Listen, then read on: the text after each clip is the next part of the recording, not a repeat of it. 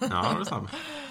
Och välkomna till eh, 19 avsnittet av Purple Garden. En eh, podcast om lycka och meningen med livet. Och du heter Erik. Ja, Jag heter Josefin. mm. Ska vi presentera vilka vi är? Ja, men det kan vi göra. Det var inte så länge sedan vi gjorde det, men vi kan presentera igen. Ja, du är en yogaguru som eh, flyger upp ut i rymden. Inte ut i rymden, men kanske snarare in i kroppen. Ja. Men din resa är ju flyg ut i rymden. Du tar steg efter steg efter steg.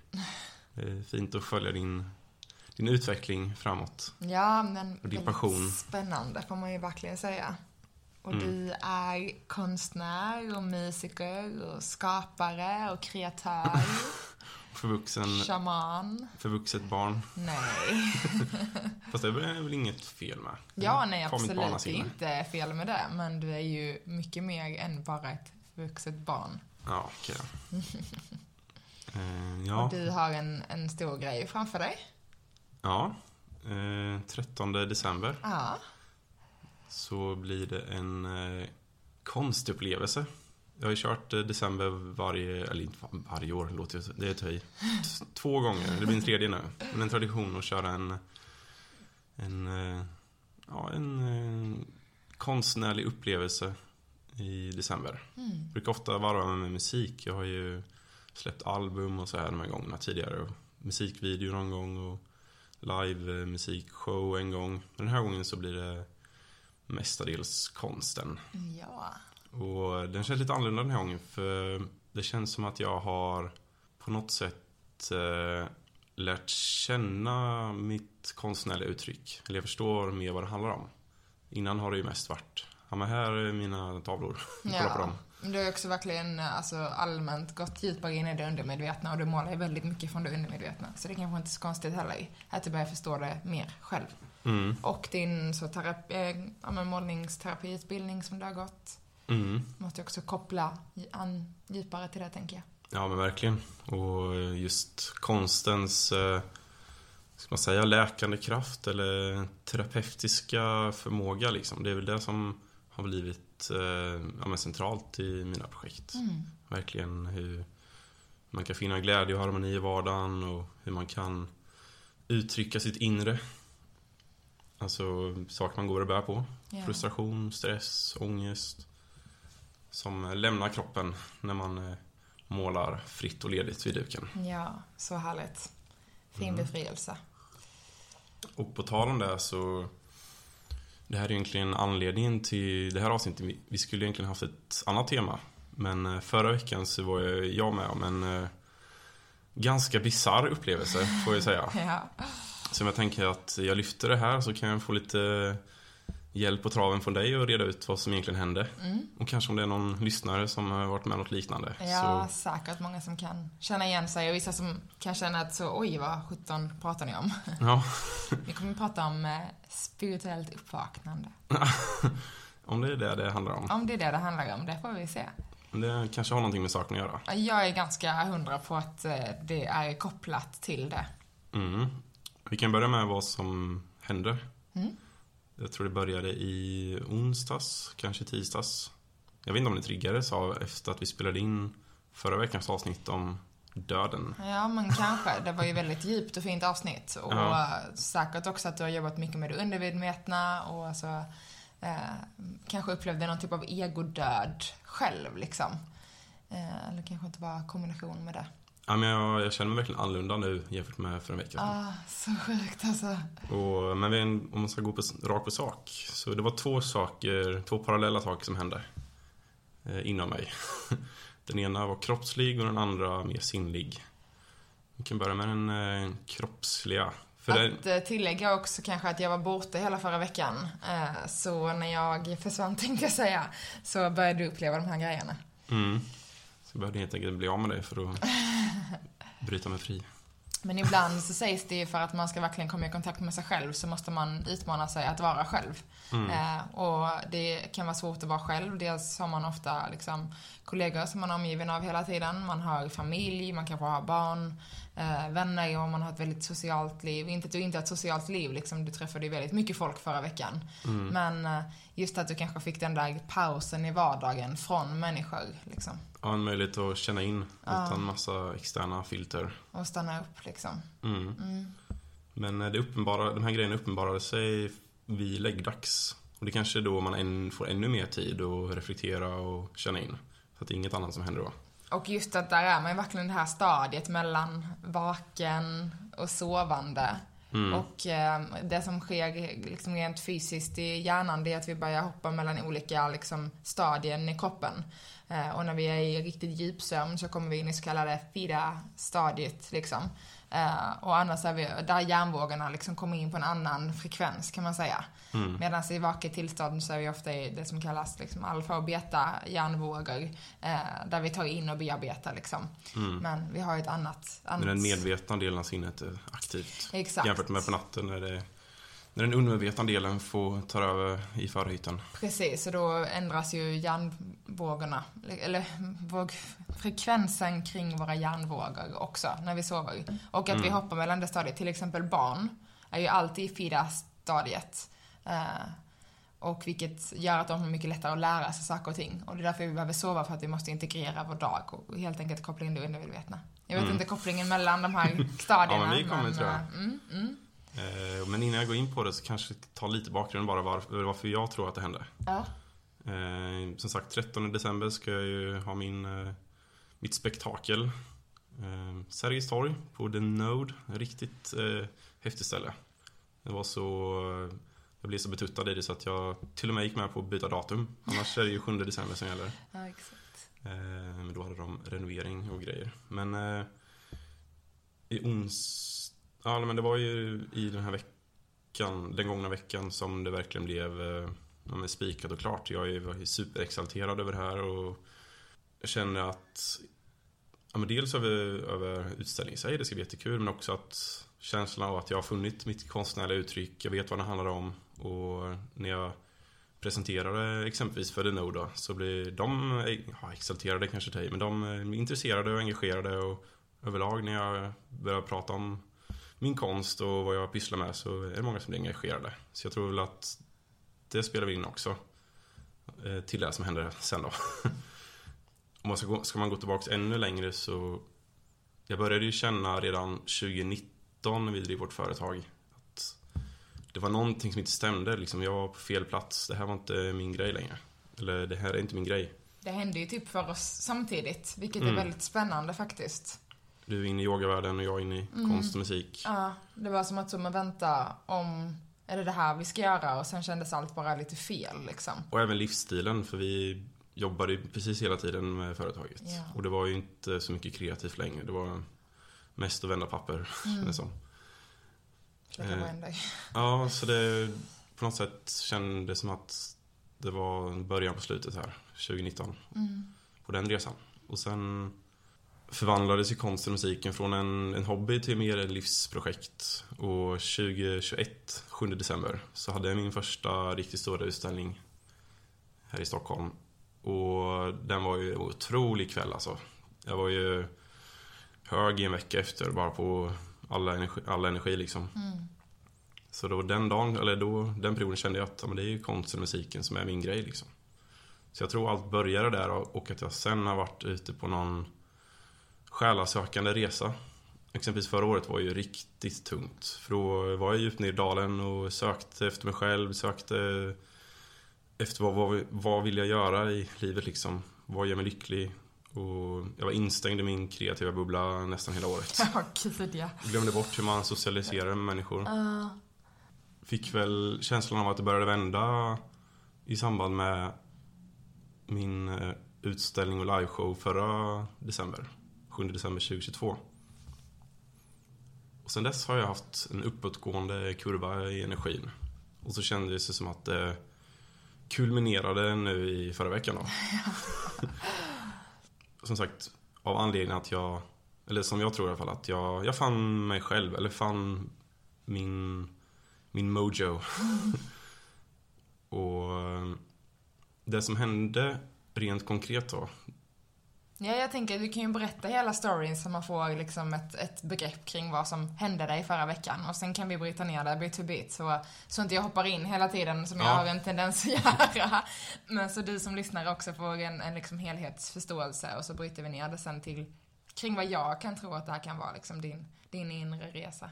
Mm, men som sagt, två parallella saker hände. En kroppslig och en sinnlig. Om vi börjar med den kroppsliga så, som sagt, där var ju vid läggdags. Eh, skulle försöka sova. Gick, var duktig och la mig i tid, vid tio kanske.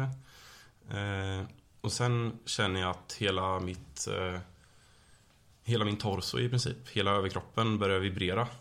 Och eh, ja, men det var liksom onsdag, torsdags, ja, men ganska Det tilltog liksom under veckan. Började lite i onsdags, lite kraftigare i torsdags. Och sen i fredags var det ju rena rama ja, men baskaggen på en technofestival liksom. Det var jag kunde bara lägga händerna på bröstkorgen och bara känna hur det bara vibrerar, hur energin flyger omkring och jag bara shit vad är det som händer? Men det var alltid precis vid läggdags, du hade inte de här känningarna under dagen. Jag tror inte jag känn, kanske kände in så mycket under dagen. Eller jag tänkte inte så mycket på det. Nej, Det var väl kanske när jag, när jag la mig där och i min stillhet. landade i närvaron. Ja, kanske. Eh, Så det var ju den kroppsliga upplevelsen att total eh, festival i, i bröstkorgen och eh, hjärtat, magen. Alltså det var Ja, det var en eh, sjuk upplevelse. Ett pirrande och sprittande i kroppen. Mm, Liksom. Man kan ju, ja, nej vi kan, jag kan hoppa in sen. ja. Och sen den sinnliga upplevelsen då eh, var att jag upplevde en portal mellan mitt medvetna och mitt undervetna sinne. Jag har, jag har egentligen inte några stora, alltså så här kroniska sömnproblem. Däremot så i perioder när jag, har, när jag är exalterad över något exempelvis, eller har mycket på gång, mycket som snurrar, eh, så kan jag inte stänga av tankeverksamheten. Då, då snurrar det i all oändlighet liksom. Eh, Men så har jag upp, uppfunnit metoder för att liksom komma över det här, eller komma runt det här. Eh, Och då exempelvis brukar jag ligga och tänka på hockey. Närmare bestämt NHL och eh, laget jag följer, San Jose Sharks.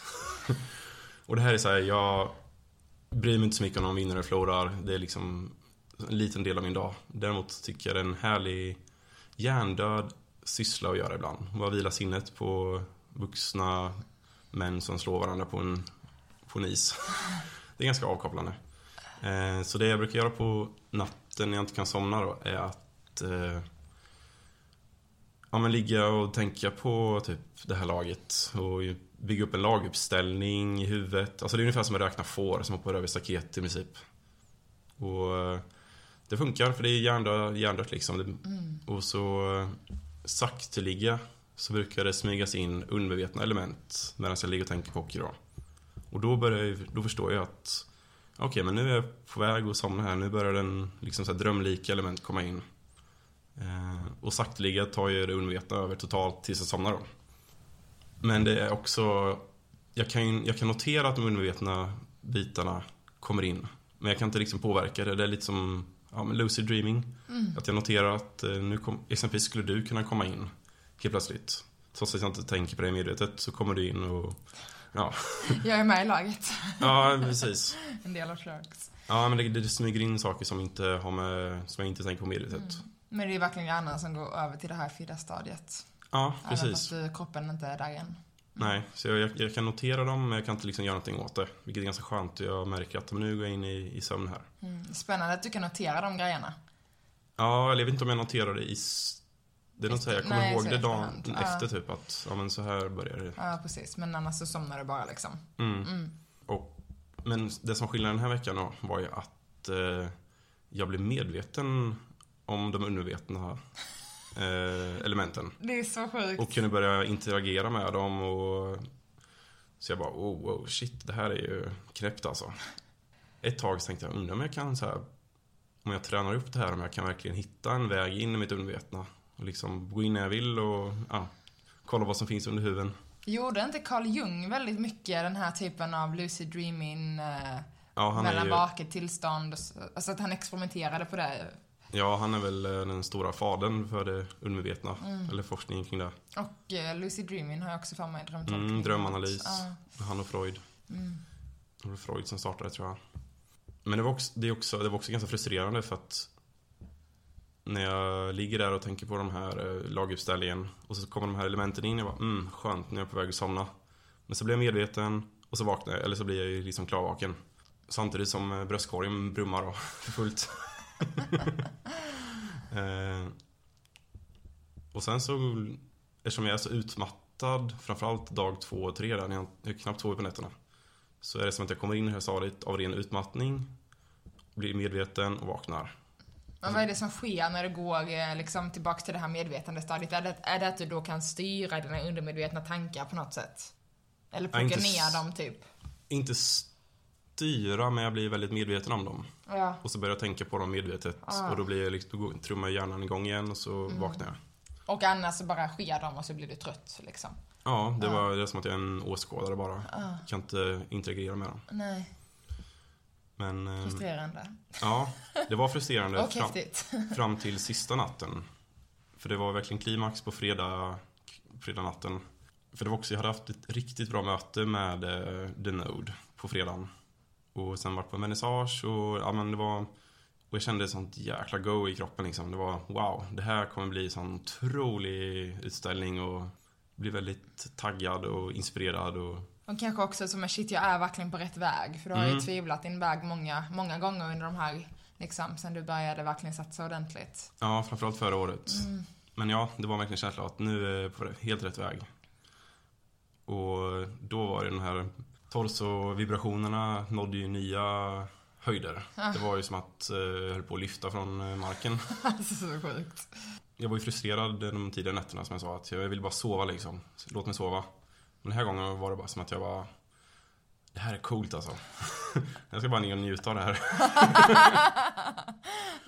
Så då bara låg jag där utsträckt, bara lät allting komma. Samtidigt som eh, det bara flög eh, liksom visioner och uppenbarelser inom mig på något sätt.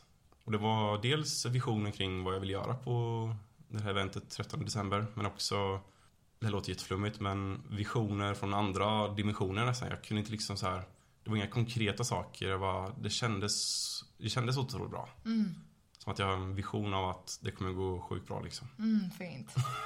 Men det är väl också det när man väl, eller så hamnar där någonstans och är sådär otroligt uppkopplad eller vad man ska, orden är ju svåra och, och han, alltså, att jobba med i detta sammanhanget för det är så mycket som måste upplevas. Mm. Men det är så, du fick ju troligtvis någon glimt av själens, eller liksom det som är bortom kroppen, liksom energin inom dig. Eh, den kopplingen som den energin har till ja, men, andra dimensioner, portaler, universum liksom. Mm. Ja, jag, jag, Ja, nej, supersvårt att säga. Jag vet inte inget, jag vet inget. Men eh, du fick en, en känsla av att allt är så mycket större liksom. mm.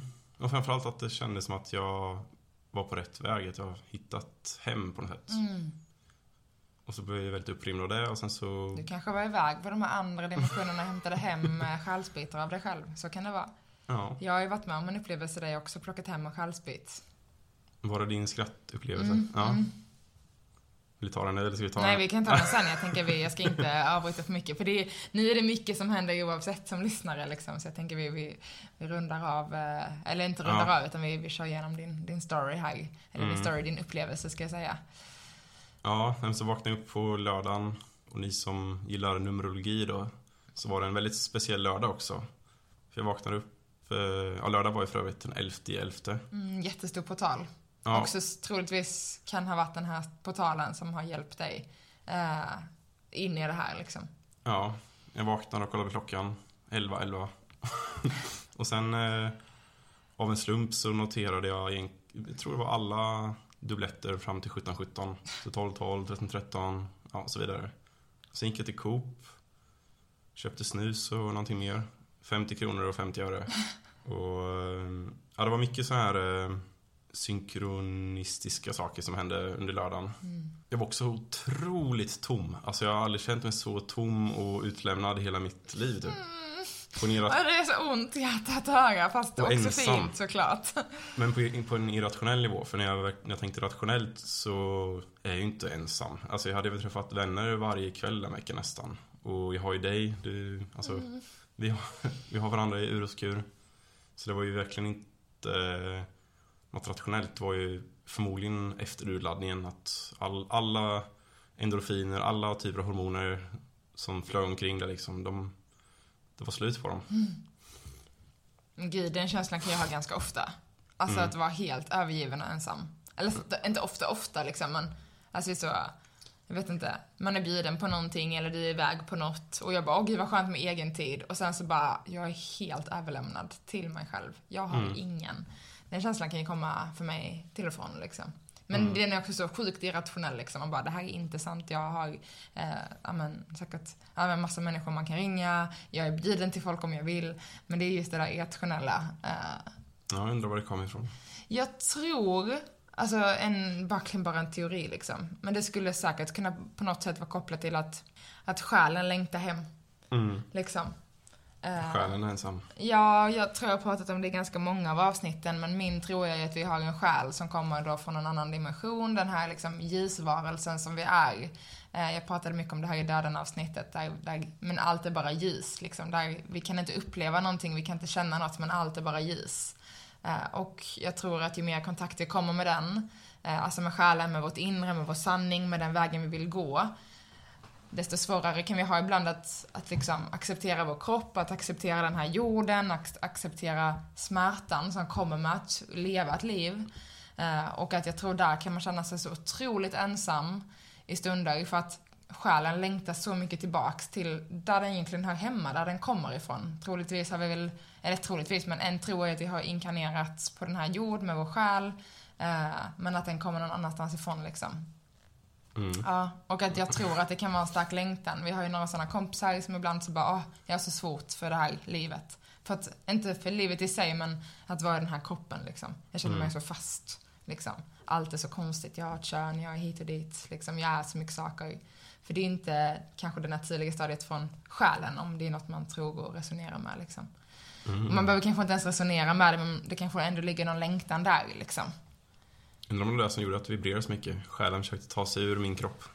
Ja, men verkligen. Det skulle kunna vara. Och att den kanske hämtade hem någonting mer. Den kanske åkte iväg. Mm, vet Kom tillbaks med lite nya gottigheter. Mm.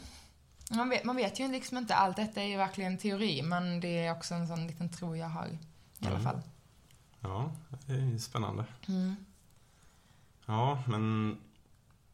Ja, i alla fall lördag kväll så var jag bjuden på 30-årsfest. Och det var jag ju inte alls taggad på då. Nej. Jag hade noll social energi. Men så kände jag mig sagt så jäkla tom och ensam och utlämnad så jag var ah fuck it, jag, jag går dit. Ja, jag minns jag ringde dig på lördagen och du bara, jag känner mig så ensam. Du, jag tror aldrig du har känt dig ensam någonsin i hela Nej, det var nog... Eller inte på det sättet i alla fall. Nej. Och utlämnad också, det är en ganska speciell känsla liksom. Ja, men framförallt tom känner jag mig. Som att jag har noll, fanns inget att hämta. noll lyckohormoner i systemet kvar. Alla hade vibrerat upp under nätterna. Ja, och jag kan ju flika in att jag var ju nykter vid det här. Alltså det är inte något hokus pokus som har hänt utan det här är ju någon... Ja, eller det är kanske hokus pokus. Hokus pokus på nivåer vi inte kan förstå eller förklara. Ja, men nykter var jag inte på 30-årsfesten. Det var en eh, ordentlig... orden- ordentlig brakfylla helt enkelt.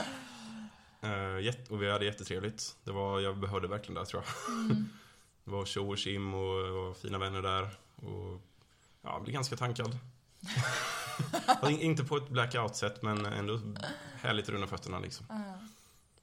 Sen eh, när jag vaknade upp på söndagen så var jag ju inte särskilt bra fysisk form då. Jag, ja.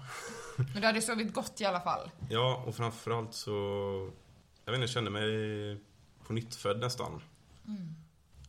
Och du vet ju hur jag brukar funka när jag är sliten dagen efter. Det Jajamän. brukar ju vara fosterställning i soffan som gäller. Men den här gången så bestämde jag för att ja, men jag går ut och går. Och så eh, blev det till till slut 11 kilometer. 1-1 förresten. och sen gick jag hem och lagade mat och gjorde matlådor och Inte relikt dig. Nej. Eller för att vara bakis menar jag då. Och sen på kvällen så sov jag som ett barn. Det var inga torsovibrationer eller portaler som uppenbarade sig utan jag sov i typ 11 timmar. Vaknade upp på måndagen och ja, kände mig jättefräsch. Nice. Mm. Härligt. Det låter ju som eh, en upplevelse utan dess like. Ja, jag har aldrig varit med om något... Eh, jo, en sak jag varit med om liknande tidigare. Om du minns när vår gamla vän Claes var på besök. Som då utbildade sig till reiki healer. Nej, han, han är ju det. Och var vid tillfället också. Ja, han kanske var det. Men han ville i alla fall träna på mig. Och göra en exorcism, som han sa. Ja, Driva ut mina... Eller jag- jag kallar det för exorcism. Ja, precis, för det, det han sa var att han skulle ge dig reiki healing. Och för den som inte vet vad reiki healing är så är det en typ av energibehandling, en healingform där man flyttar energier för att öppna upp kanaler i kroppen kan man säga, så att energin ska flöda lättare. Det är väldigt enkelt beskrivet, där den här energin då går till olika områden. Ibland kan man känna fysiska sensationer av reikin när den kommer, man kan känna värme och sånt. Men det han gjorde, från det jag såg, det var ju en seans. Liksom. Och jag tror inte riktigt han var medveten om att han hade kraften att gå in mellan olika dimensioner på den energinivån och göra en seans. Eh, Vilket då blev en utformning av den här exorcismformen på något Ja, sätt. men han drev ut demoner, som han sa. Ja, och, det, och om man ska vara helt ärlig så reiki handlar mer om att balansera energierna och liksom en, en helande variant. Han, han gjorde något annat liksom. Ja, men jag minns att det var samma känsla lite. Att det var samma där att eh, torson vibrerade och det var liksom otroliga energier som flödade omkring kroppen. Och det kändes bokstavligt talat som han drev ut demoner. Ja. Jag kommer ihåg att utan att vara för grafiskt så gick jag ju på toaletten typ sju gånger efteråt. Det gjorde jag förra i lördags också. Så det var en utrensning ja, av verkligen. någonting. Ja, nej, det är spännande liksom. Och det är så nu kan jag tänka när man sitter här och inte har upplevt det här eller kanske inte är liksom spirituell eller andlig eller öppning, öppn, alltså öppen för allt craziness. Får jag bara flika in det då? För att just begreppet spiritualitet. Vi pratade ju om det i ett annat avsnitt. Men jag vill försvara begreppet spiritualitet. Eller så här, för det, det är så otroligt laddat för många. Jag tycker det är lite synd. Nästan eh, tabubelagt. Ja. Och för mig är det väldigt simpelt. Alltså det handlar om att lära känna sig själv. Eller vara nyfiken på att lära känna sig själv. Och lära känna sig, vad gör mig lycklig? Vad gör mig olycklig? Vad, vad driver mig i livet? Hur vill jag leva livet? Det är liksom sådana enkla världsliga saker. Och det är verkligen, det är spiritualitet för mig. Och ändå så får det här liksom Spiritualitet har ju fått det här häx- häxdoktor-stämpeln. New age, flum. Speciellt om det kanske är något som man inte alls resonerar med. Då blir det Nej. så här, åh det är så mycket och det är kristaller och det är hit och dit liksom. Men det kan ju verkligen bara vara så pass enkelt som du säger att det handlar om att lära känna sig själv. Och att det är ofta det vi pratar om när vi pratar om spiritualitet liksom. Ja, in, En liksom öppenhet mot, mot ens egen Ja. varelse på något sätt. lyssna på sig själv istället för att lyssna på vad tidningarna säger eller Mm. vad som ja, kollegorna tycker att eh, rätt och fel. Eller ja, vad det nu än kan vara. Att Mm. Ja. bara gå in i sig själv. Vad är det som får mig att må bra? Ja, Och sen försöka leva livet efter det. precis. Det går inte riktigt att översätta human being till svenska, men det handlar ju verkligen om att get to know your being, get to know yourself. Mm. eh, i det här varande stadiet. Vi säger ju inte människovarande när Nej. man säger human being på engelska. Jag tycker att det, och det är verkligen så man lär känna sitt varande i form av, av sig självet, äh, självet på något sätt. Ja, Och det är behöver många, inte vara kopplat till egot heller. Liksom. många människor som är human doings. Ja, det är också human doers. Bara gör saker. Ja. Eh, och det är väl också det, verkligen det, så att det behöver verkligen, det behöver inte vara mer komplicerat än så heller. Och för någon som bara så, gud vad håller ni på att prata om, det här är det sjukaste. Bara, ja, det här är en sjuk upplevelse som är väldigt, liksom alla upplever inte den.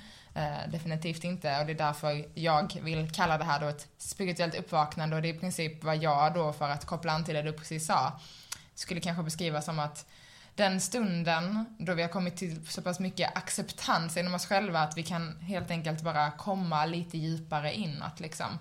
Jag menar kroppen består av energier, vi alla består av energier. Eh, och att det troligtvis liksom får mer utrymme på något sätt Mm. i det här uppvaknandet av att jag kanske blir ännu mer driven av att följa mina egna känslor och min egen kropp och mitt eget jag. Mm. Snarare än att, att jag ja, men, lyssnar utåt hela tiden. Ja, nej men det är väl lite så jag känt de senaste tre, fyra åren. I alla fall så här i backspegeln att något form av uppvaknande. Det var mycket, jag gick mycket på autopilot tidigare tror jag. Mm, samma här. Jag gick inte, eller jag hade liksom ingen kännedom om mitt inre på något sätt. Jag gjorde saker. Det var inte så, jag vill det här eller det här är min önskan eller liksom något inre driv. Man kan ju Nej. ha ett driv men ofta kanske ett Ja, yttre driv. Hade, driv hade jag. Jag var ambitiös och ja, men nästan åt eh, prestationsfixeringshållet. att jag, vi skulle ju ha det största odlingsföretaget i världen och Mm. allt det där. Alltså, ambitionsnivån har jag nog liksom alltid haft. Men inte liksom frågan varför. Nej. Varför vill du göra det här då? Varför vill du bli ambitiös? Mm. Eller varför vill du ha det största odlingsföretaget? Det var Och väldigt där någonstans i den frågan så händer ju något mer. Mm. Och sen började jag väl ställa mig de frågorna i ja, men 2019, 2020 där någonstans. Var, varför utsätter jag mig för det här? Är det värt det? Är det, Eller vad jag vill. är det vad jag vill med livet? Mm. Och sen upptäckte jag att nej, det är inte riktigt det. Nej. Jag vill leva ett härligt, eh, meningsfullt liv. Träffa härliga människor, Mm. göra saker jag älskar att göra. Mm. Så, mm. Vi kanske ska ta en liten paus där, låta allt få sjunka in. Mm. Det är, eh, men det är väldigt spännande. Alltså nu har vi ju båda haft, eh, vad ska man säga, jag vet inte om turen är rätt ord, men lyckan kanske att få vandra den här vägen och vara i väldigt stark kontakt med oss själva. Det är inte en självklarhet. Och för många kan det säkert vara så, men vadå? Man ska, inte att man ska göra sin plikt, men att det finns så mycket annat, för vi har ju varit där också. Mm. Alltså, men, jag ska få den där befordran, eller jag ska göra det här jobbet, eller jag ska... Alltså så, men varför? Och jag tror att, inte att alla måste stanna upp och tänka på det. Men vi, vi människor är ju också flockvarelser. Ja. Alltså vi kollar oss omkring oss och ser andra göra saker, andra klättra i karriären och ja, men vi vill ju... Ja, gud, det vi- vill vi vill vi också också ha. Den bekräftelsen liksom, för att vara del av samhället, bli bekräftade. Mm. Och det är ju det som driver oss mest av allt från ett väldigt djuriskt perspektiv och flocken. Mm. Tillhör jag inte här, tillhör jag inte så dör jag. Ja, Men vi tar en liten, eh, jag tänkte säga en bensträckare, Ja. men en liten andningspaus med en sinnessträckare. en sinnessträckare, fint. Och så kommer vi gå in efter pausen på en... eh, Ja, vi har lyssnat på ett eh, podcastavsnitt som vi kommer utgå från. Av en eh, spirituell lärare och författare. Som ganska handfast beskriver ja, men vad ett spirituellt uppvaknande innebär. Vilka tecken man kan känna av och, eller hur man märker att man är inne i ett sånt. Mm. Så jag tänkte att vi kan diskutera lite kring. Mm. Men först en liten, liten andningspaus. Ja, och också vad det känns då att vara kanske på utsidan eller på insidan eller vad man nu vill se det som. Alltså Mm. att se det här utifrån utan Ja. att kanske förstå eller ha upplevt det. Mm. Så det kommer vi också gå in lite på. För det kan ju som sagt låta väldigt konstigt det här. Men Ja. vi kommer att prata om den delen också. Så om man känner så, nu fattar ingenting, så stay tuned. ja. yes. Vi ses alldeles strax. Ska vi lägga in en Seven Camels Ja, men det ska vi väl. Innan vi ska ta den sista låten på Rhythmic Yoga-plattan. Mm. Eller plattan, det är ju ett gäng låt, ett, ett set låtar till ett yogapass kan man säga. Ja, ett yogakoncept. Och det här den sista är ju Savasana. Shavasana. Shavasana. Savasana. Så det är en väldigt eh, rymdig eh, låt när man flyter omkring. Sen tänker jag, kan ju passa ganska bra. Absolut. Sail Away heter den. Så vi hörs igen om 45 sekunder.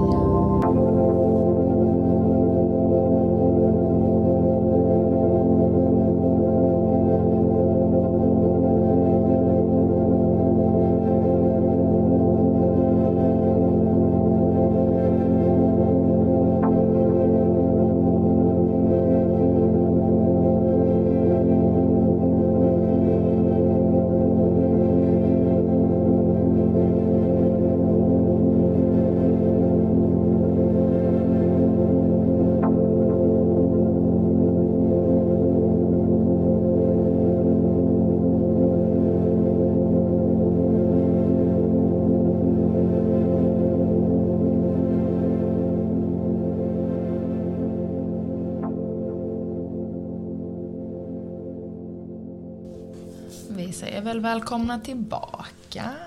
Mm. Hallå, hallå. Hallå, hallå. Jag gick ut och tog eh, tre riktigt djupa andetag Mm. på utplatsen. Mm, skönt. Det var skönt. Nej, jag satt och kollade Instagram. Prioriteringar. Vi fyller på energi på olika sätt. ja, nej jag skulle ju kolla att, eh, vi pratade ju lite kort om, ja men 11 portalen eh, som då var i lördags när du kände det här allra mest. Och så fastnade jag på Instagram istället för det var ju där jag skulle kolla på något konto som jag visste att lagt upp om det och sen Ja. fastnade jag i flödet. Alltså sån sjukt klassisk grej. Ja, we need to shut down sometimes. Mhm. Men vi kanske återkommer om portaler. Ja, vi ser lite var vi landar i allt. Ja, som sagt så har vi lyssnat på ett podcastavsnitt som vi varmt kan rekommendera. Så, så får ni en lite eh, kanske djupare inblick i vad det handlar om. För det här är hon som har den här podcasten. Eh, ja, Cat Fowler heter hon. Spirituell lärare, författare. Podcasten heter Soul Awakening Podcast. Kan länka till avsnittet i eh, Mm. vår avsnittsbeskrivning. Ja, och avsnitt, avsnittet heter Signs that you are going through a spiritual awakening.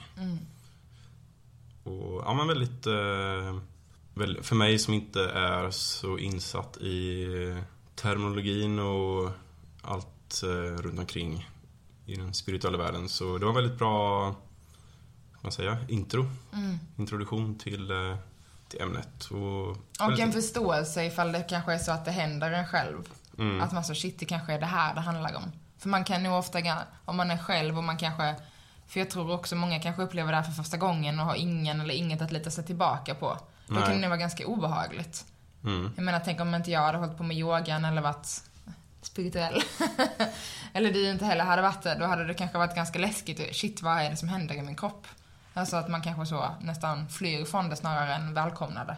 Ja, men jag minns när du kom tillbaks från ett eh, yoga-retreat för en massa år sedan. Mm. Det var Soul Space. Ja. Och du var ju totalförändrad när du kom tillbaks. Ja, där var ju mitt, mitt spirituella uppvaknande, det hände ju väldigt snabbt. Det var ju verkligen dag och natt Mm. på en helg i princip. Ja. Eh, och sen gick jag ju bara djupare och djupare väldigt snabbt. Men det var ju jättesnabbt. Det var ju första gången jag bara, shit jag har en kropp jag kan känna, shit jag har känslor jag kan uttrycka. För jag hade varit avstängd mot allt det tidigare. Mm. Alltså så, men ställt mig i ledet, jobbat på, så in i bomben liksom och prestation, leverans, görande, görande, görande, duktig flicka, eh, bäst betyg, bäst i allt. Liksom, ja men jag har varken känt min, min fysiska kropp eller mina känslor liksom Mm. avstängd. Ja men inte, inte hela livet såklart. Jag har ju såklart gråtit och varit arg och känt glädje. Men inte på den nivån som jag dels gör idag, men som jag hittade till där för första gången. Eh, som var på det här yogaretreatet där jag då för övrigt jobbar idag, så det är fantastiskt fint att, att men jag hade varit deltagare fem gånger och verkligen liksom gått djupt på den här resan inom mig själv. Och sen nu får jag också vara en del och hjälpa andra ta det steget på den resan, vilket jag är så otroligt tacksam för. Mm. Eh, Och det gör du otroligt bra också. Ja, tack. Men jag minns också, som du sa, att eh, det kan ju vara obehagligt eller jobbigt för närstående som inte riktigt förstår vad, vad det fuss is about. Eller vad pratar de om? Ja, för jag minns att det var en ny, det är en ny människa jag får lära känna här då, som kommer tillbaks. Eh, Det var lite eh, bisarrt i början, alltså första dagarna. Sen eh, utvecklades ju till att bli den här otroliga människan mm. nu, så det var, det var ju all good. Ja. Men, eh, och jag var väldigt glad i den här förändringen. Det Mm. var inte något som skrämde mig, men om jag själv hade blivit rädd för allt jag kände så hade det kanske mottagits på ett annat sätt från dig. ja, precis, det kanske, det minns jag också att jag kunde inte riktigt förstå vad du babblade om, men eh, du var så otroligt lycklig och glad så att det var, ja, härligt. Tänkte jag. Men det kan ju också vara helt så, gud, nu har hon förändrat sig. Det innebär att jag måste förändra mig. Undermedvetet tänker man ju så. Och det är ju läskigt. Att Det- själv möta en person på en annan nivå. Precis, det är ju en av punkterna hon tar upp i det här avsnittet. Ja. Ett tecken på att man har varit med om ett spirituellt uppvaknande är att eh, vänner och bekanta kommer och säger ja, men jag är lite orolig för dig. Du har förändrats och vad är det som händer? Mm, precis. Och då är det väldigt oftast kopplat till att ja, men det, det är något som inte är känt för mottagaren i sig, liksom. Din familj, eller dina vänner, eller din partner, eller ja, kanske till och med barn i vissa fall. Mm. Eh, Att det är så okänt för mottagaren, den vet inte riktigt hur den ska förhålla sig, vilket gör att den blir rädd och orolig. Liksom. Och för dig så kanske det är som, gud jag lever mitt bästa jag, mitt lyckligaste liv. Mm. Och det kan jag säga med ganska mycket så spirituella forum, Eh, och communities på Facebook. Och där är det många som kan skriva så. Eh, jag tror att jag måste ja, men, lämna min partner för att eh, hen förstår inte mig mer och vi har barn tillsammans, hur ska jag göra? just för att det kan bli sån clash liksom. Mm. och man, alltså så är det också att vara helt krass liksom, relationer är tufft. Det är så, även fast vi träffas en dag i livet, så vi kommer kanske inte, vissa håller ju för alltid liksom, vilket är jättefint. Men alla par håller inte för alltid och inte alla relationer och det är för att vi, men vi växer ju, vi går, bara, alltså vi går egna vägar även fast man är i en relation, går, alltså även en väg gemensamt. Så kan den personliga vägen och stigen man går i sitt liv ta en mot olika platser. Alltså det enda vi är säkra om det är att vi kommer inte vara samma person idag som vi var för tio år sedan eller om tio år. Vi kommer ju alltid förändras. Mm. Och ibland så blir det för stora kontraster. Om man inte bor i Nordkorea. Ja, då får man ställa sig i ledet helt enkelt. ja, det var faktiskt en, en annan punkt på hennes, i hennes program här. Just det att man eh, börjar omvärdera relationer väldigt mycket. Mm. Och att just toxiska relationer eh, blir som en, eh, ja men verkligen som ett gift som man vill bli av med. Ja. Sen är det ju toxiskt, det är lite, kan ju vara ett överdrivet ord. Det behöver inte vara att någon är elak mot dig eller, men att någon som inte förstår dig, någon som inte kanske eh, intresserad av att lära känna dig på djupet. Mm. Det kan vara en sån sak. Något som bara tar energi, som kanske inte ger någon energi alls, eller oerhört lite energi. Mm. Ja, det är ju en ytterligare punkt. Jag tror det var 15 punkter totalt. Ja, det var många punkter. Men en tredje punkt var just eh, att man blir väldigt känslig för negativ energi. Mm. Och ja, för, för, positiv energi också, men framförallt... Allmänt energier. Och det, den kan jag ju skriva under på så det sjunger om det. Mm. Alltså när jag som sagt, förr i tiden så tänkte jag inte så mycket på det här. Men eh, numera så, om jag går in i ett rum och det någon går runt och är sur och bitter och negativ liksom. Jag känner att jag, jag måste bara lämna rummet nu. Jag kan inte vara kvar. Mm. Och tvärtom när jag kommer in i ett rum med sprudlande positiva människor, då blir jag ju upprymd och ja, det smittar liksom mm. på ett helt annat sätt än vad jag gjorde tidigare. Verkligen. Tror du, för det kan jag känna ibland liksom, för jag är också oerhört känslig för energier och känna in. Och jag vet också, dels i min roll som yogalärare, men jag tror också att jag kanske har den förmågan som person. Att jag kan gå in och förändra ett rums energi. Jag kan gå in och hålla ett rums energi. Har du också fått den känslan att du nu har du kanske inte varit på det i samma utsträckning bland folk på det sättet sen i lördags liksom. Uh, förutom när du blev ja, men överlag i, i år så mm. har, jag, har jag känt så. Mm. 2023 har varit ett väldigt bra år. Yeah. Och jag har varit väldigt, eh, vad ska man säga, glad och uppåt och upprymd över livet överlag. Och haft en väldigt positiv energi som jag gärna sprider omkring mig liksom. Mm. Och när jag, när jag går in i ett rum och bara är mig själv och glad av att vara där liksom så tror jag det smittar av sig. Mm. Eller jag vet att det är mm. många som har sagt det. Att, mm. att jag har varit mer en glädjespridare nu än tidigare. Ja. Fint. Det är väldigt fint. Det är en stark förmåga. Eh, det också kan vara ett ansvar. Eller det måste inte vara ett ansvar, men det kan vara ett ansvar man kan ta på sig lätt. Mm. Ja. Vilket eh, kan bli en balansgång. Det kan bli en utmaning framåt, det är allt jag säger. Jag har ju själv haft en stor utmaning med det. Mm. Att jag tog alla negativa energier och gjorde alla andra glada. Det var ju på en omedveten nivå. Mm. Jag fick alltid migrän, exempelvis efter att jag höll klasser. Ja. Eh, och alla var så himla glada när de gick och jag hade bultande huvudvärk. Ja men så var det lite mina co-creation-event jag har hållit. Men det tror jag har varit så bara ren energi outload, tänkte jag säga. Alltså, att jag har fått så pass mycket att det liksom blir ja. hjärnkapaciteten är så pass hög. Men jag tror att jag, i och med att jag tycker det är så himla kul själv, mm. så kommer jag in med en väldigt positiv energi och och jag tror att jag har, eller det är många som har sagt det under de här eventen att... Nu sprider glädjen kring det. Ja, och så blir det folk eh, glada själva och sen så blir det liksom att den, deras energi kommer tillbaks till mig. Mm, och fint. sen, ja, blir jag ju nästan hög, eller nästan. Jag kommer hem med förstorade pupiller och helt uppe i varv mm. efteråt. Ja. Trots att jag varit nykter. Så ja, det är mm, energiarbetare. Ja, ja men faktiskt. Det är, det är fint liksom. Alltså, jag tycker allmänt begreppet energiarbetare är fint för att vi alla är det på olika sätt och vis. Liksom. Vi kan ju påverka varandra jättemycket. Ett leende sprider ett leende som vi har pratat om i det här kollektiv Precis. eh, lyckas. Och energi, just ordet energi är ju ett annat laddat ord som eh, många tycker är flummigt. Ja, jag tror jag har rätt ut det. Ja. Jag har rätt ut det här en gång. Ja. nu kommer Dr. Jussi tillbaka.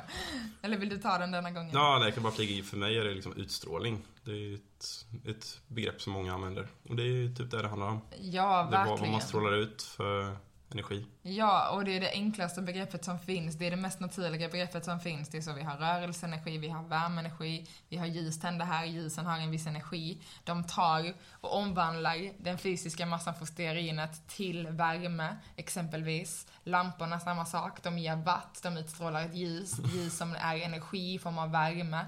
Alltså, vi människor går runt och är liksom levande lampor. Vi utstrålar... Du, framförallt du just nu tycker jag. Dina pupiller Oh. ökar i storlek. Det bara skiner om det nu. Ja, Du gillar att prata om energi. Ja men, ja men jag tycker om det, men det är också så, det är verkligen så, äh, gravitationen är en typ av energi, en kraft liksom. Alltså Mm. allt energi, varenda atom har ju liksom en, en, en kärna. Eh, mm, protonen, ja. Mhm.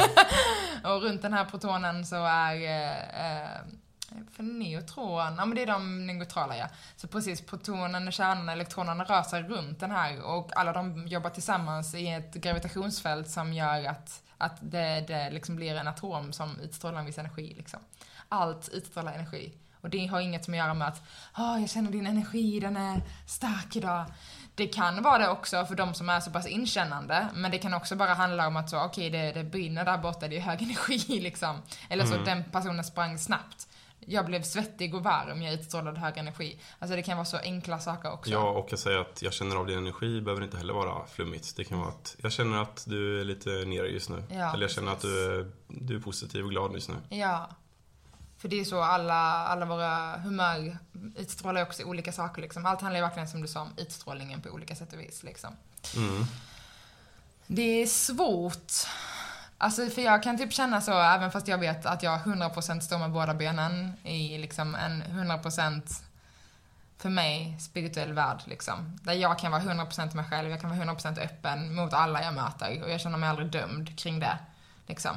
Mm. Men jag kan ju fortfarande vara väl oerhört ödmjuk till att men ord som jag använder som för mig är en självklarhet, för någon annan kanske är väldigt laddat. Liksom. Mm. Både som energi, spiritualitet. Det kan jag till och med känna, jag håller yogaklasser på, på Sats, alltså på ett, en gymkedja. Och jag håller i princip samma yogaklasser där som jag gör på en studio där folk kanske allmänt har kommit lite djupare i kontakt med, med sitt inre, vilket yogan är en del av praktiken mot. Liksom. Alla kommer inte dit, vissa gör det. Liksom. Det var ju så min väg började. Men det kan ju verkligen känna ibland när jag börjar prata om känn in kroppen, känn din energi, vad är din energinivå idag? Är du trött? Har du liksom mycket energi? Är du pigg och glad? Är du stressad? Alltså redan där kan jag känna så, jag pratar ju om det för att jag vill normalisera det. Men såklart fattar jag ju att, men för vissa är de här orden bara flum liksom. Mm. Men det är där någonstans också jag tycker så, det är ett spännande möte. Och att jag är väldigt tacksam att jag får göra den introduktionen till dem på ett väldigt avskalat sätt liksom. Men jag tror också att när vi uttrycker oss i ett form av ordförråd som kanske känns svårt för någon annan att begripa, så tror jag också, eller inte begripa, men liksom som kanske känns annorlunda, Relatera relatera till. till, tack. Då tror jag också det är så himla viktigt för oss att inte tala ner det. Nej, absolut inte. Vilket, men det blir väldigt lätt liksom, vi säger flummigt. Ja. Men för oss är det inte flummigt, för oss är det en självklarhet. För fem år sedan så tyckte jag exakt detsamma. Liksom. Det var flummigt, eh, mambo jumbo liksom. Vad är det Exakt. för trams du håller på med? Men jag tror också det är viktigt för oss att sluta använda de orden i samband när vi pratar om det här. Men det är som att vi vill göra det relaterbart för alla. Mm. Men kanske någonstans också genom att inte lägga till ett så, men, men för någon är det här flummigt. Men för Mm. någon är det det, men vi kanske inte måste använda Ja, men det är ordet. lite tabubelagt nästan. Ja, ja men lite skäm, så. Skämmigt. Ja. Jag såg någon, eh, en undersökning på sciencedirect.com. De, eh, enligt någon eh, poll de hade gjort så är, eller har 41% av alla vuxna gått igenom ett spirituellt uppvaknande. Ja, men det kan nog stämma. Ja, så hade de en fotnot också att, men det är ytterst få av dem som berättar om det. Ja. Att det här, liksom, det här vill man inte dela med sig av. Kanske för att man inte, eller kanske främst för att man inte vet vad det är för någonting. Man Vad är, det som händer, inte. vad är det som händer inom mig? Börjar jag bli galen? väl, man vill inte berätta för, för grannen att man är galen. Om man, tror, om man tror att man är galen så vill man ju gärna hålla det innanför västen liksom. Mm. Så det är nästan hälften av alla vuxna människor går igenom ett spirituellt uppvaknande av olika storlekar. Men eh, ja, som sagt, inte så många av dem som vill prata om det. Nej, och vi är ju fortfarande, alltså som jag nämnde innan, vi är verkligen inte samma personer som de vi föddes och var. Eh, Det är ganska spännande, man brukar säga att var sjunde år så sker det ett större skifte.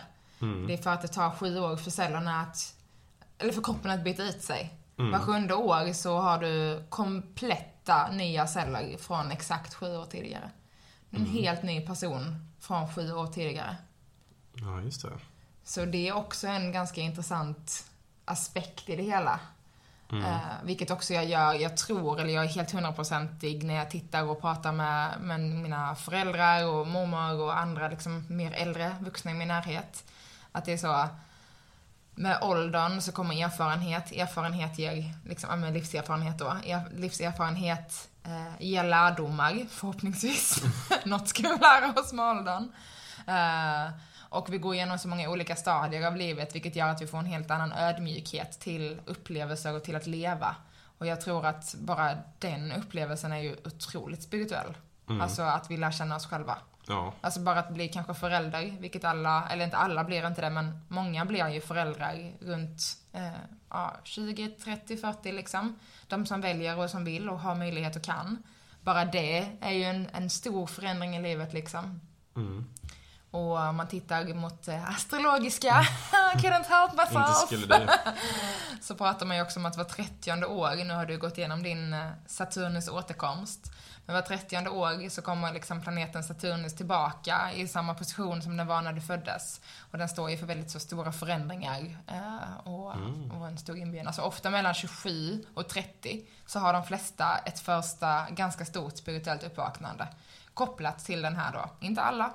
Vissa kanske bara upplever det som tre år av ett helvete, allting var tufft, allt var utmanande. För någon är det en dans på rosor.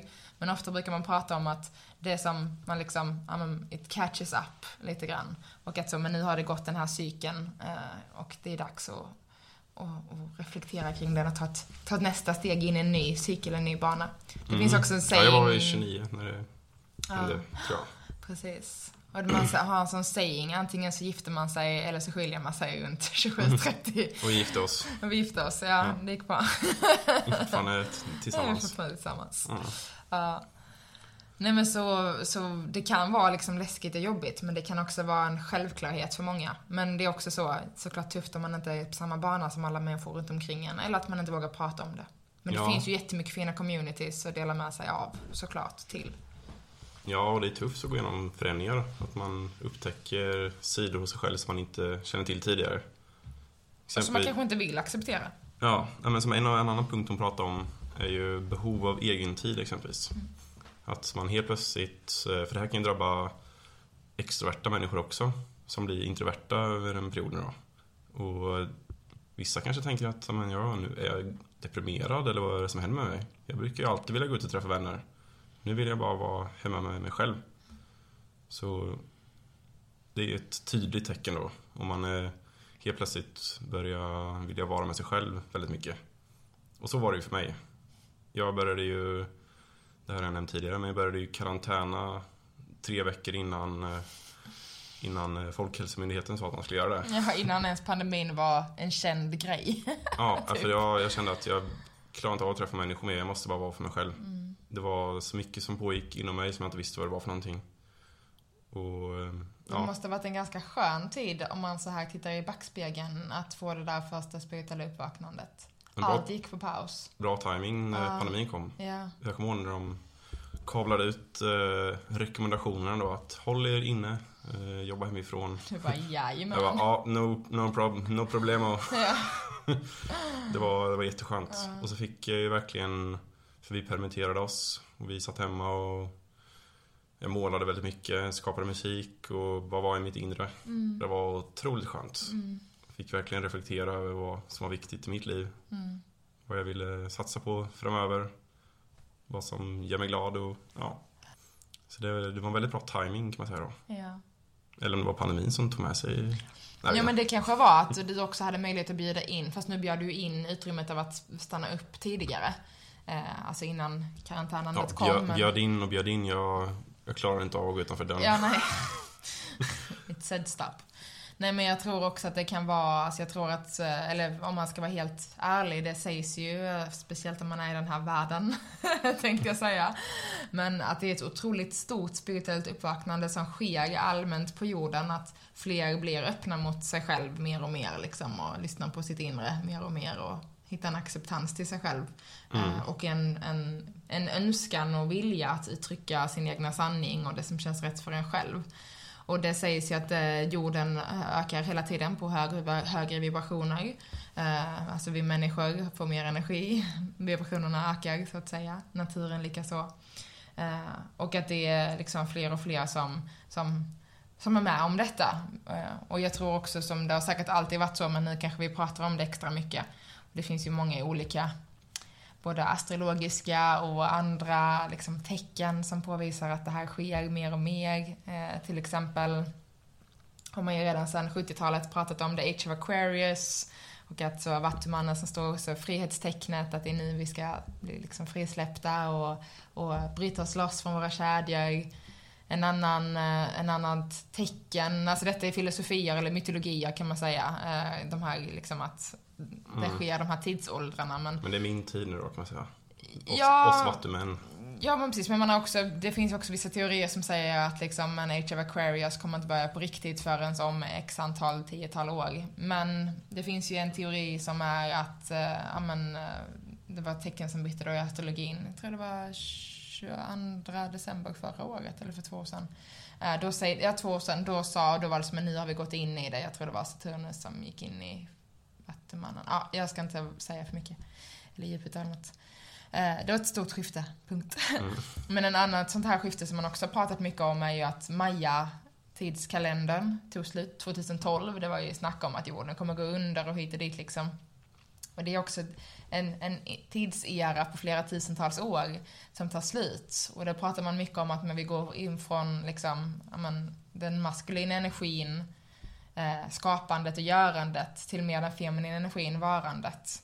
Eh, jag vet inte om man ska säga från patriarkatet till matriarkatet, Mm. med större förståelse. Er, tid kommer nu. Ja, och det är också något man har pratat om att så, men det är, ett, det är ett energiskifte som skedde 2012 i och med att Maya-kalendern tog slut. Men det är ju inte något som vi i västvärlden liksom an, an, ja, har bjudit in på något sätt liksom. Vi har ju inte tittat mot stjärnorna, mot universum, men någonstans måste ju de här stora himlakropparna också påverka oss. Alltså, Ja. Jag menar, vi känner solens värme från miljontals mil bort.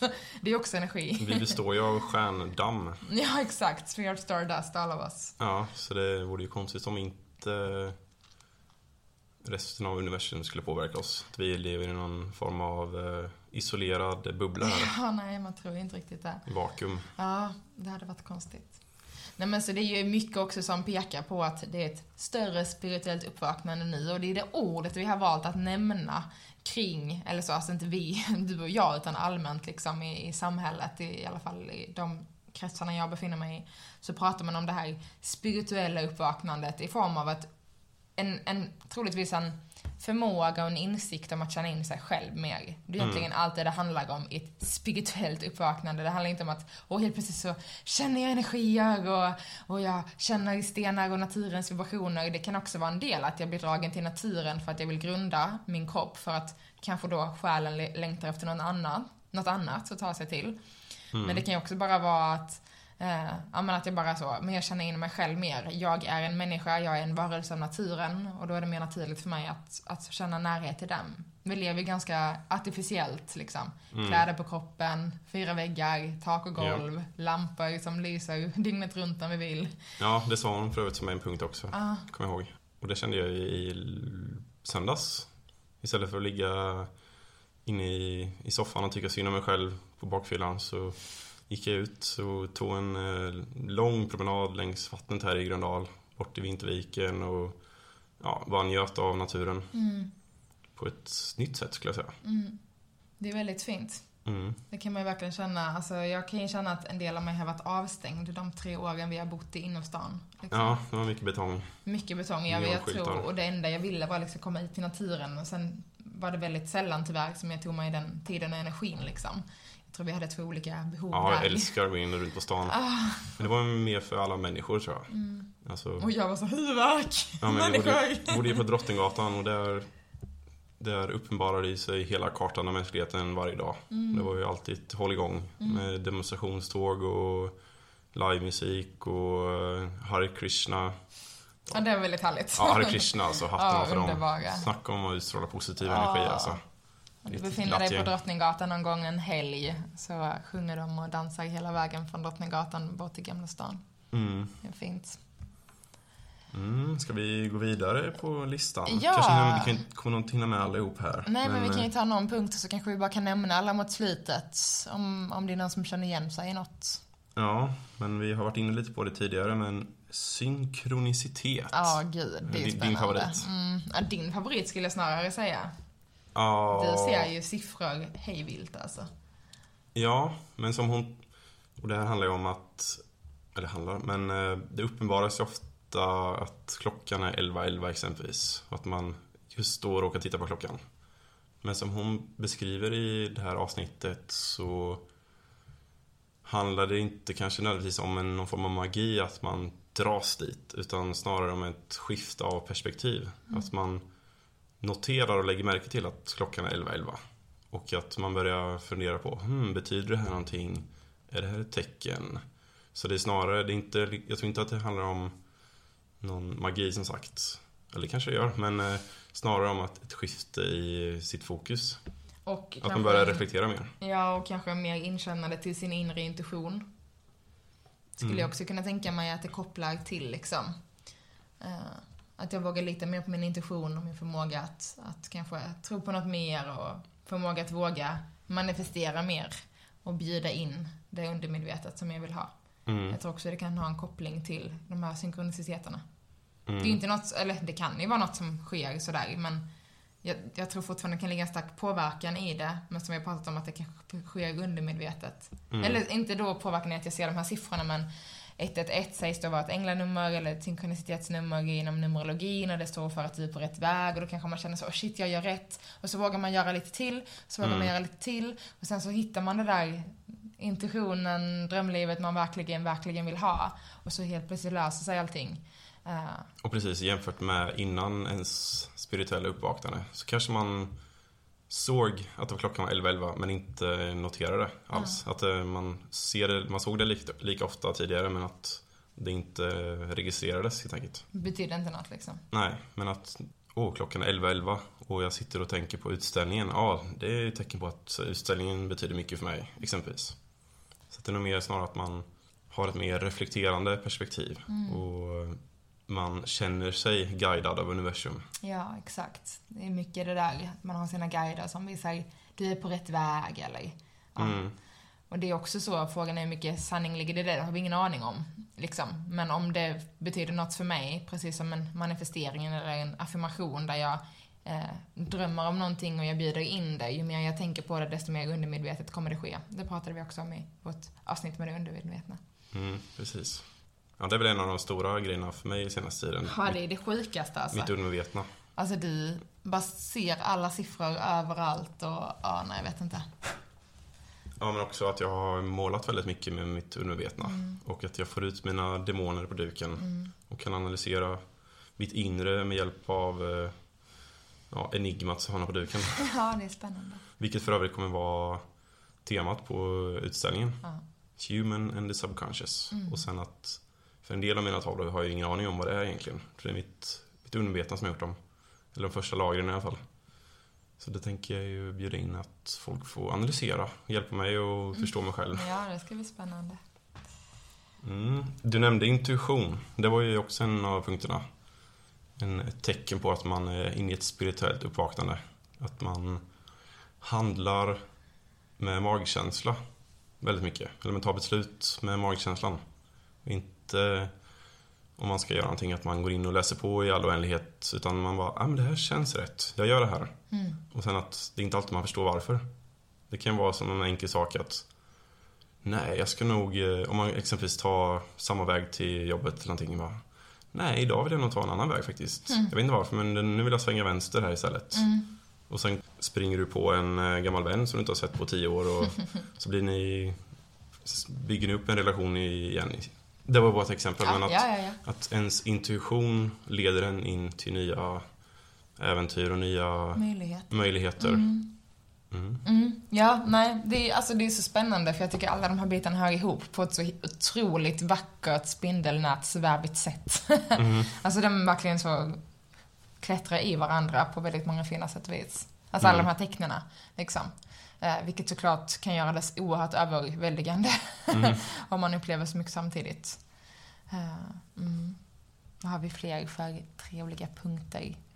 Ja, koppling till naturen nämnde du. Eh, Det här pirret i kroppen som du har pratat om. Kroppsliga sensationer. ja, att man känner inåt menar du? Mm. Jag minns inte ifall hon tog upp det kanske hon gjorde. Nej, det kanske hon inte gjorde, men eh, det som jag kan koppla till det är också så. Vi har ju vårt nervsystem Mm. som återigen består av massa energi. Det är elektroner eller neutroner, ja. Ja. Elektron, ja. Det är liksom signaler som skickas elektroniskt i vår kropp. Mm. Från, från vår hjärna ut till våra nervceller till en receptor som är någonstans längst ut på hudens yta. Och så skickar det tillbaka. Så det sker elektroniskt, alltså med energi. Mm. har vi ju, har Ja. vi Ja. kommit överens om nu, eller hur? Ehm, och eh, vi har vår, eh, vår absolut längsta sammanhängande nerv som heter vagusnerven som kopplar an precis i, ja, men vid näsan upp mot hjärnbalken ner till insidan av höften. Eller precis mot, mot ländryggen ner där till. Eh, det är vår längsta sammankopplande nerv, vagusnerven, som styr oerhörda delar av vår kropp. Längs med hela vår ryggrad så har vi ett jättestort nätverk av, eh, av nervcell, äh, nervtrådar menar jag. Ja, nervceller också såklart, men framförallt nervtrådar. Så man kan säga att vi har liksom vår, the biggest cord, liksom, vad säger man? Kabel. En, en stor kabel längs med vår ryggrad av nervtrådar. Mm. Ehm, helt, alltså 100% vetenskapligt bevisat. Ja, Västerländsk medicin säger Ja. det här. Eh, enligt, eh, så man kan ju säga att det är ett jättestort energifält som Ja. går längs med kroppens ryggrad. Konstant liksom. Allting går från hjärnan längs med ryggraden och sen ut i kroppen. Alla sensationer, att jag liksom, jag menar, att allt jag rör, hjärtat slår, organen, allting sker ju längs med kroppens ryggrad. Så tänk den energinivån som faktiskt hela tiden producerar liksom, eh, elektronik på ett kroppsligt sätt, energi här eh, västerländsk medicin. Enligt den österländska medicin, eller filosofin, men också österländsk medicin som jag fortfarande inte vill förkastliga för jag tror den vetenskapen är mycket, mycket djupare än vad vi någonsin kommer förstå. Men både filosofiskt, mytologiskt och då på ett vetenskapligt sätt från den österländska synvinkeln så finns det något som heter eh, chakrasystemet. Ett energisystem med sju huvudpunkter och det finns tusentals chakrapunkter i hela vår kropp. Eh, men vi har då sju huvudchakran.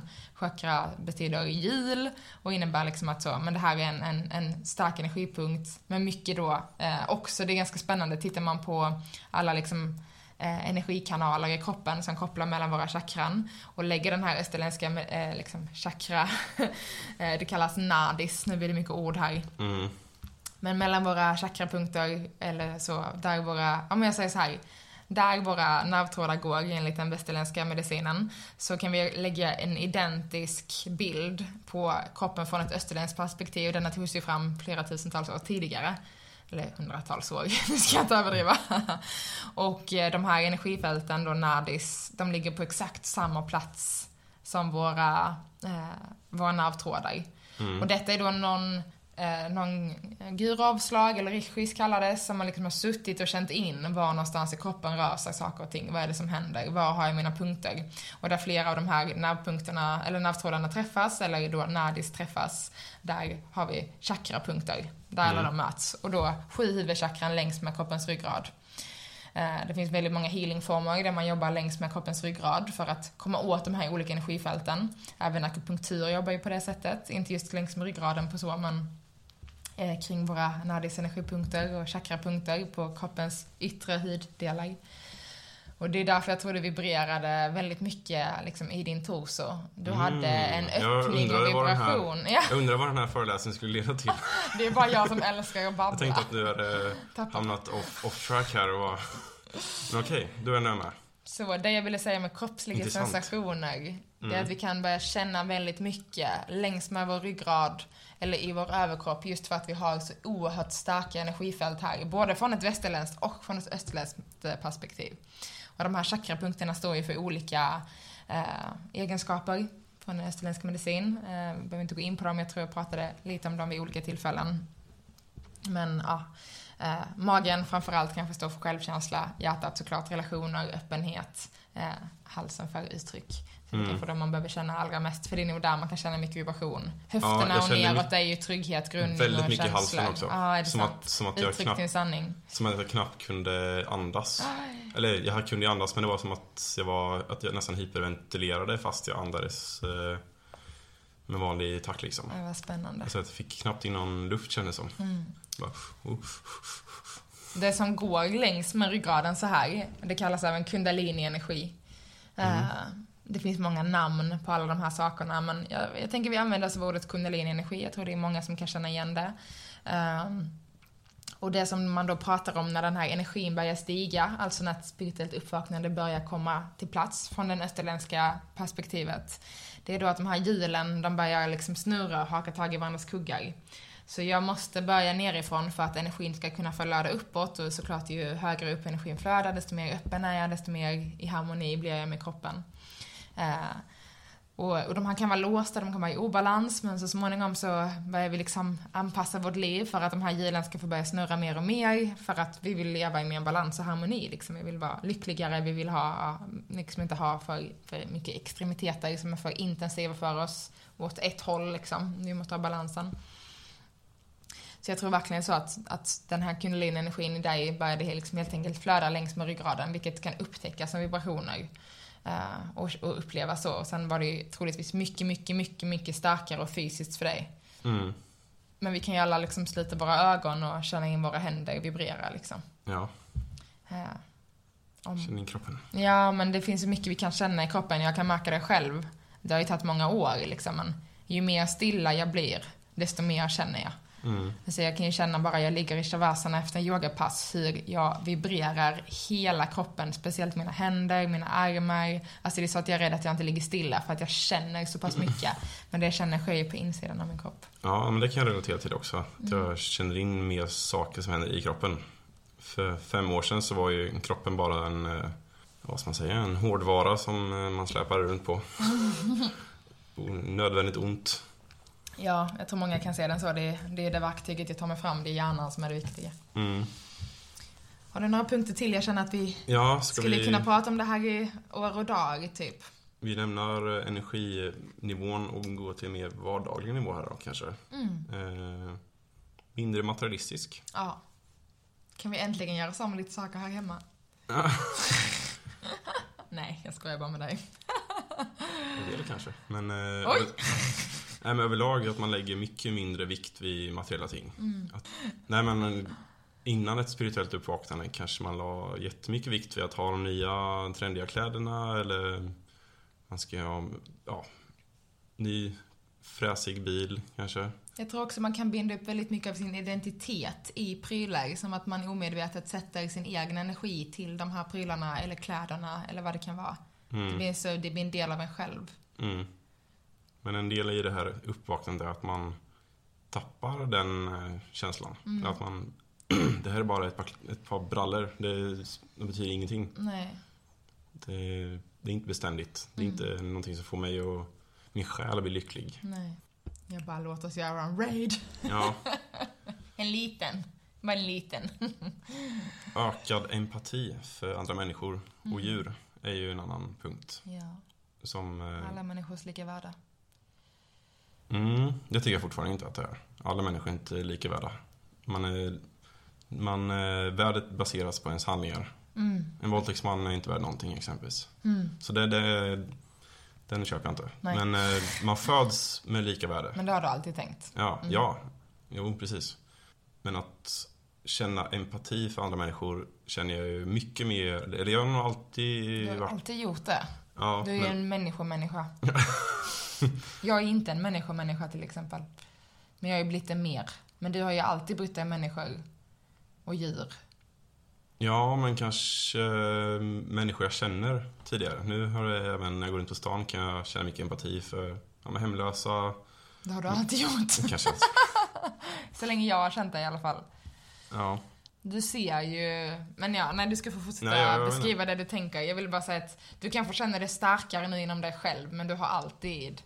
Alltså du kan ju så prata om ibland, gud jag borde ha en eh, aktion för att skänka pengarna till hemlösa. Du har ju mycket den liksom, att du vill gärna hjälpa andra. Men du kanske känner det på en annan nivå nu. Jag vet inte. Man behöver inte bara koppla det här till dig heller. Det kan ju allmänt vara att man känner mer empati. Om Mm. man har gått igenom det här stadiet. Liksom. ja och, och även för djur och liksom an- annat levande som finns. Kläden. Mm. Ja, men det är, det är väl lite kopplat till det att man blir mindre materialistisk. Att man värderar själar och liv mer. Ja. Man, Vi är ju alla en del av samma stoff. ja, man eh, värnar mer om den naturliga världen. Alltså växter, djur, människor, Mm. saker med kolatomer inom sig. Mm. Och inte så mycket om den här eh, vattenflaskan. För den betyder ganska mycket för mig. Mm. Mm. Mm. Jag tror vi, eh, vi börjar bli ganska trötta i bollen nu. Ska Ja. vi, det, som sagt, eh, den, det här avsnittet heter Signs You're Going Through a Spiritual Awakening med The Soul Awakening Podcast. Och vi länkar i avsnittsbeskrivningen. Ja, och där kan ni få en som sagt liten djupare inblick. Mm. Och hon tar det lite mer steg för steg, punktform. Eh, Vi kan verkligen förstå om det här har känts lite, lite hoppigt ibland till och från. Mm. Det är när jag går in i mina stora haranger som man inte vet var de ska sluta någonstans. Ja, men de är spännande. Ja. De livar upp. Det är det jag älskar att prata om. Ja, Mm. men vi... Ja, ska vi nöja oss för idag? Ja men kanske. Hur känns det nu med allt att få, ja, men bara dela den här upplevelsen? Hur känns det? Med Mm. världen i det här poddformatet. Världen, alla miljarder lyssnare. Ja, ni ska veta att ni är många. Ehm, jag vet faktiskt inte. Däremot så kändes ju har det känts väldigt bra i veckan, alltså nu i veckan, att ha det här bakom mig. Att jag känner mig på något sätt på nytt född. Mm. Med en ny eh, livsenergi. Och jag har ju sovit som ett barn sedan dess. Ja, vad skönt. Landat liksom. Ja, men jag känner mig som att nu har landat med båda fötterna på jorden. Efter eh, rymdresan jag var ute på i förra veckan. Ja. Undrar ifall det var så att du hämtade hem några själabitar eller hämtade hem någon del av dig som kanske har saknats. Jag vet inte. Mer komplett. Det är Mm. spännande, man vet ju inte liksom. Ja, men en känsla av att bitarna föll på plats lite. Mm. Sen om det kanske kommer gå åt skogen med mina konstprojekt, eh, det, är helt omöjligt att svara på. Men även en känsla av att jag är på rätt väg, jag gör saker som jag brinner för. Som, och jag känner att jag gör det inte bara för mig själv, utan jag hjälper andra att komma igång med målning och den typen av saker. Och på något sätt inspirera andra och lära känna sig själv. Och inspirerar, eh, jag hatar ordet inspirera andra, men på något sätt lyfter upp till ytan hur viktigt det är att njuta av livet. Mm. Och hjälpa människor med verktyg för att hitta harmoni och glädje i vardagen. Och ja, via konst, med konsten som en form av verktyg. Mm. Konsten, eh, som sagt, det är ett verktyg. Det är inte egentligen det det handlar om. Det handlar ju om att finna en, eh, en inre harmoni och glädje. Mm. Att vara, vara nöjd med tillvaron. Känna stimulans och ja, men tycka, tycka livet är en trevlig upplevelse. Mm. Ja, det är viktigt. Vi lever bara ett liv. Ja. Vad vi vet i alla fall. Ja, vad vi vet. Som vi är medvetna om. Som vi Ja. pratade om i förra avsnittet. Vi vet ju inte, men medvetenheten kring det här livet är ju här och nu. Mm. Mm. Så ja, men det känns... Eh, känner mig på en väldigt bra plats just nu. Fint. Det är kanske Mm. det vi ska börja. Vi har ju debuterat, debuterat, debuterat mycket kring vad vi ska dela med oss av på sociala medier utanför podden. Det kanske ska vara mer verktyg. Liksom. Vi har ju väldigt många verktyg tillsammans på Mm. olika håll och kanter. Det är kanske det vi ska dela med oss mer av liksom. Ja. Om ni tycker så så får ni gärna höra av er om det. Ja, man kan nå oss på Instagram, Our Purple Garden, Mm, eller på Facebook, Purple Garden. Mm, Hemsida, på väg. på väg. Mm. Och som sagt, 13 december, Sergels torg. Så lovar jag en eh, sprakande upplevelse. Be there or be square. Ja, Ja, det ska bli riktigt mäktigt alltså. Det ska bli riktigt mäktigt. 13 december, skriv upp det.